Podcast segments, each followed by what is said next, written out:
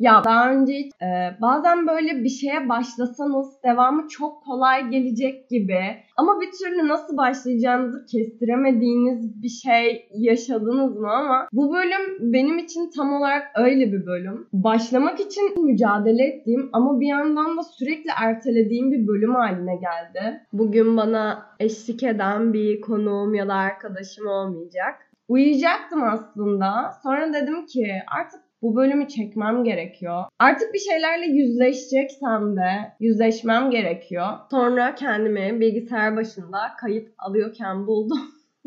ben bir intro girip geliyorum. Sanki değil. Kayıtta mıyız şu an? Doğum savaş. Ne? Hayır ya. Ya sanki date işte. Çıldıracağım. Burası podcast. Date gibi. Ne oluyor? We have to talk about this. Sanki date gibi.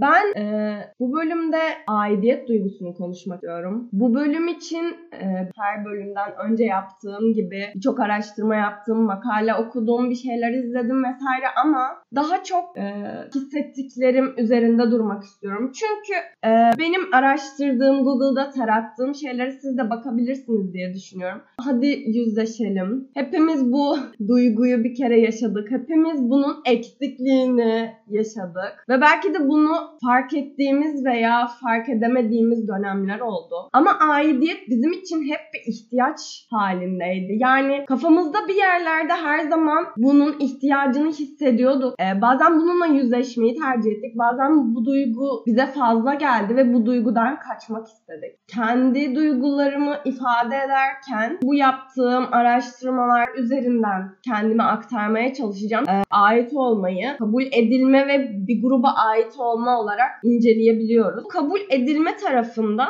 gruba uyum sağlamak için kendimizde gördüğümüz şeyler, kendimizde belki de değişiklik yaptığımız şeyler yer alıyor. Bunun da içsel bir motivasyonu var. Aslında bu tarz şeylerde biraz içgüdüsel hareket ettiğimizi düşünüyorum. Kendimize olan saygımızla o gruba ait hissetmek için harcadığımız çaba arasında çok ince bir çizgi oluyor bazen. Ve bazen o çizgiyi ne kadar aşmak istediğimize içgüdüsel bir şekilde karar veriyoruz bence. Neden böyle dedim? Çünkü bir şeyler uğruna kendinizden ödün verdiğinizde özgüveniniz zedelenir. Dolayısıyla öz saygınız da zedelenir. Bazen bazı durumlarda topluma uyum sağlamak için kendimizde bazı değişiklikler yapmak isteyebiliriz. Burada bahsettiğim aslında yapmak zorunda olmadığınız bir şeyler uğruna kendinden ödün vermekle e, uyum sağlama sürecinde kendimizde yaptığımız, kendi adımıza değişmeye karar verdiğimiz noktalar farklı şeyler tabii ki. Bu süreç boyunca insanlara kendimizi sunma şeklimiz değişiyor.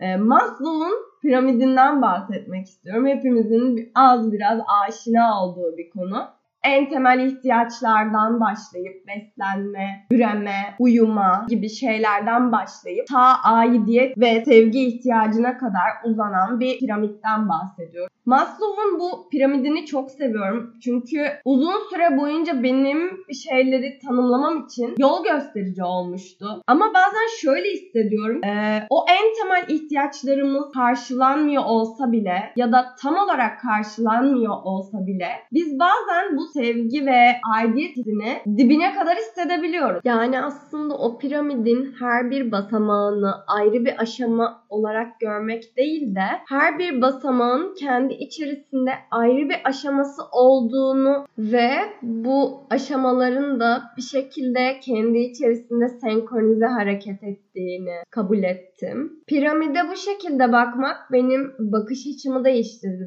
Sadece ve sadece en temel ihtiyaçlarımızı karşıladıktan sonra bu aidiyet ve sevgi ihtiyacını hissedebiliyoruz ya da eksikliğini yaşayabiliyoruz gibi bir kurgudan çıkarmış oldum kendimi. Bu ihtiyaçların hepsini eş zamanlı olarak da hissedebiliyoruz ve bunları karşılamak için her biri için ayrı bir çaba sarf etmemiz gerekiyor. Şimdi az önce bir gruba ait olmaktan bahsettim. Bu grup dediğimiz şey bir okul ortamı olabilir. Çalışma arkadaşlarımızdan, sosyal medyadan hatta fiziksel olarak bir yerden de bahsedebiliriz bu aidiyetlik noktasında. Az önce saydığım grupları ve alanları aslında biz hayatımızın belli noktalarında seçebiliyoruz. Dolayısıyla bu alanları oluşturmak da bizim sorumluluğumuzda. Ve bazen bu sorumluluk bize çok büyük bir yük olabiliyor. Bunu anlayabiliyorum gerçekten. Bu aidiyet ihtiyacınız e, dış etkenlerle kendi kendine karşılansın istiyorsunuz. Neden bu kadar ait hissetmek istiyoruz? E, şimdi 2020 yılında bir araştırma yapılmış.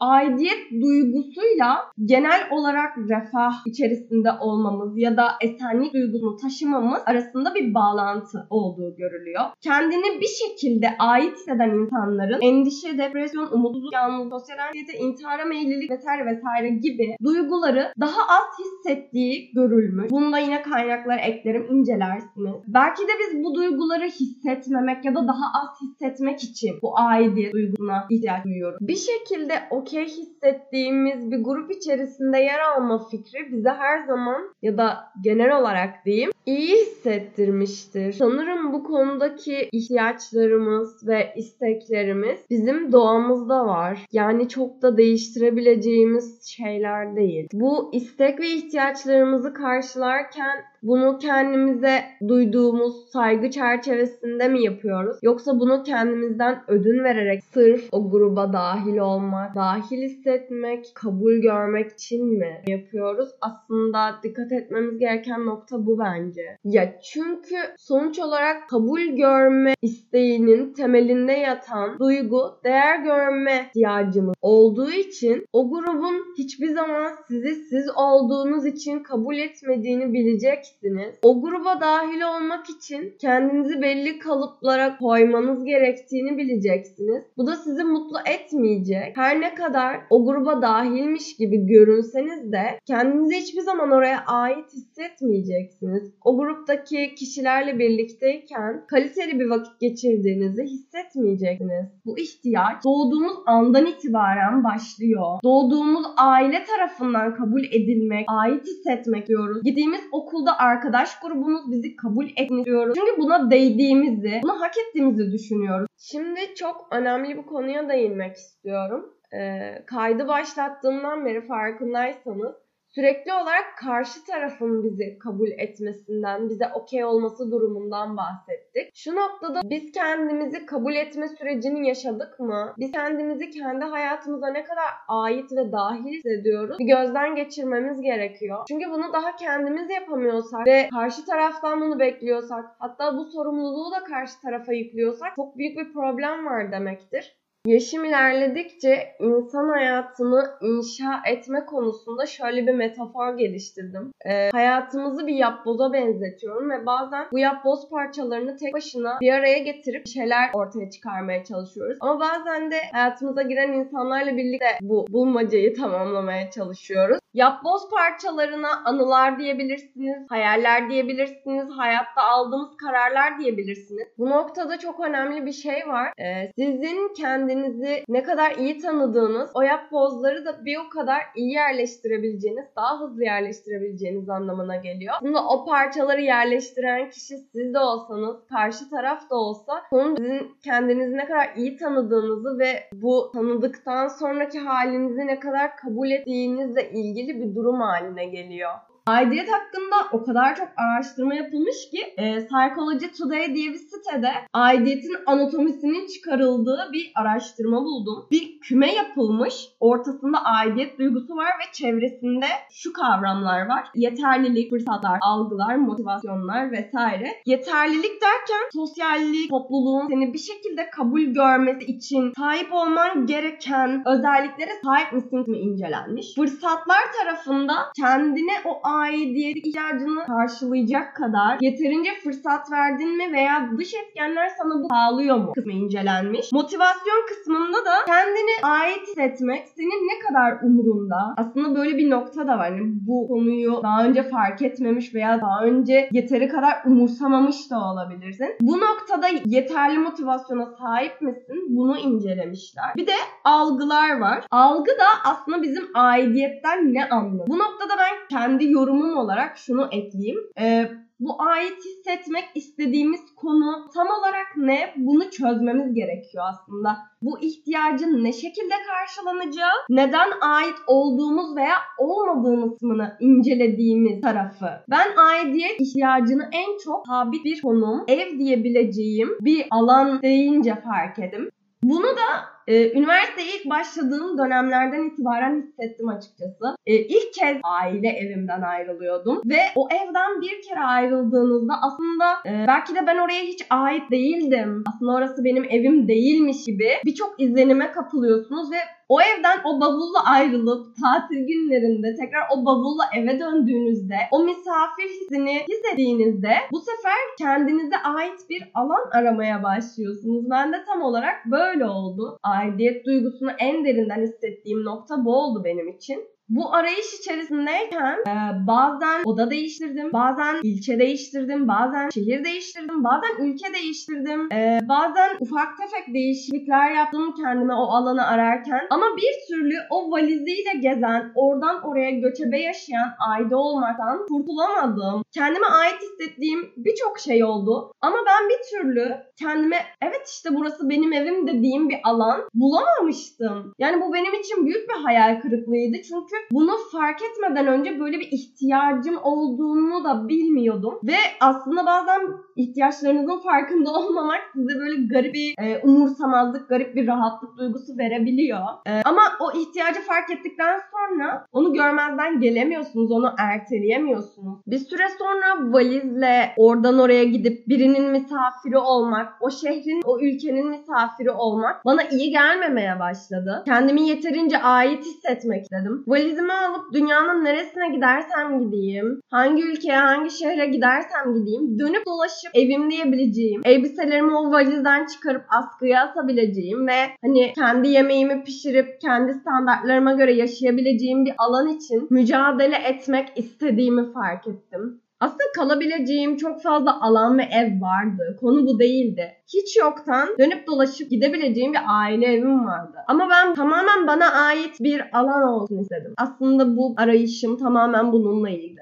Belki o an yer olarak, konum olarak kendime ait hissedebileceğim bir alan bulamamıştım. Ama buna bir yerden başlamak beni rahatlatmıştı ve hani bir şekilde üstesinden gelebileceğim bir şey haline getirmişti. O yüzden kendimi daha okey hissetmeye başladım. Sonra öyle bir an geldi ki kendime o alanı yaratmak için fırsatlar geçti elime. Bu fırsatları da doğru kullandığımda kendimi ne kadar ait hissettiğimi gördüm. Hayatımda ilk kez bir eve kendimi o kadar ait hissettim ki, kendimle o kadar okey bir haldeydim ki şu an ait hissetmediğim bir şehirde olabilirim. Ama şu an kendime ait bir odadayım. Kendimi ait hissettiğim ve kabul edildiğimi hissettiğim insanlarlayım. Etrafımızdaki insanların sayısı çok da önemli olmuyor. Çoğu durumda bu böyle bu arada. O kişilerin niteliği ve size nasıl hissettirdiği o kadar önemli bir hale geliyor ki bu ihtiyacınızın karşılandığı ve kendinizi okey hissettiğiniz bir an ve bir alan yaratmış oluyorsunuz. Bu noktada da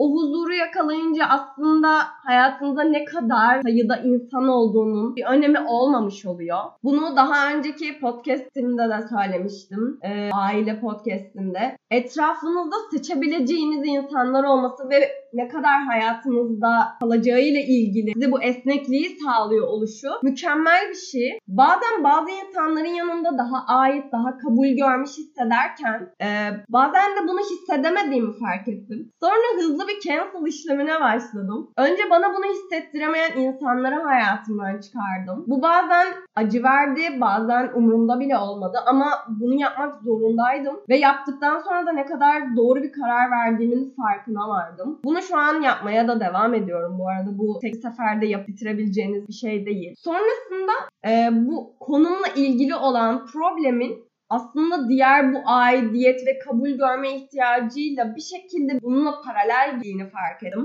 Aslında ait olmak ve ait olmaya çalışmakla ilgili konuşabileceğimiz çok şey var. Ama ben bu konuda sadece şunu söyleyebilirim. Ee, bir gruba veya alana uyum sağlamak adına kendinizden ödün vermeniz gereken şeyler varsa oraya asla ait hissetmeyeceksiniz. Kendime bu konuda gerçekten çok aşığım. Ee, bu bölüm size diğer bölümlerden farklı gelmiş olabilir. Ama aslında bu podcast de aynı benim gibi evrilmeye çok meyilli bir podcast. İlk bölümde söylediğim gibi size hiçbir şey vaat etmiyorum. E, vaat edebileceğim tek bir şey varsa o da her hafta yayınlayacağım konusundaki yalan. Bu bölümde umarım daha fazla date gibi hissetmişsinizdir. Umarım sizin için daha bir sanki date olmuştur. Çünkü diğer bölümlerin aksine daha fazla fikrimi beyan ettiğim araştırmalara sadece belli noktalarda değindiğim bir podcast oldu. Çünkü bir takipçim e, duygularımı daha fazla ifade etmem ve kendime ait fikirleri aslında size aktarmam gerektiği konusunda bir mesaj iletmişti.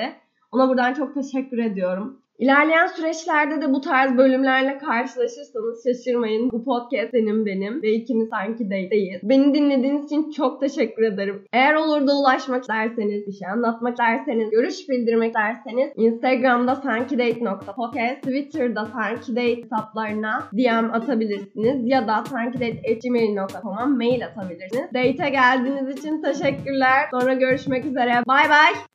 Sanki date. Kayıtta mıyız şu an? Doğum savaş. Ne? Hayır ya. Ya sanki date işte. Çıldıracağım. Burası podcast kanalı. Date gibi. Ne oluyor? We have to talk about this. Sanki date gibi.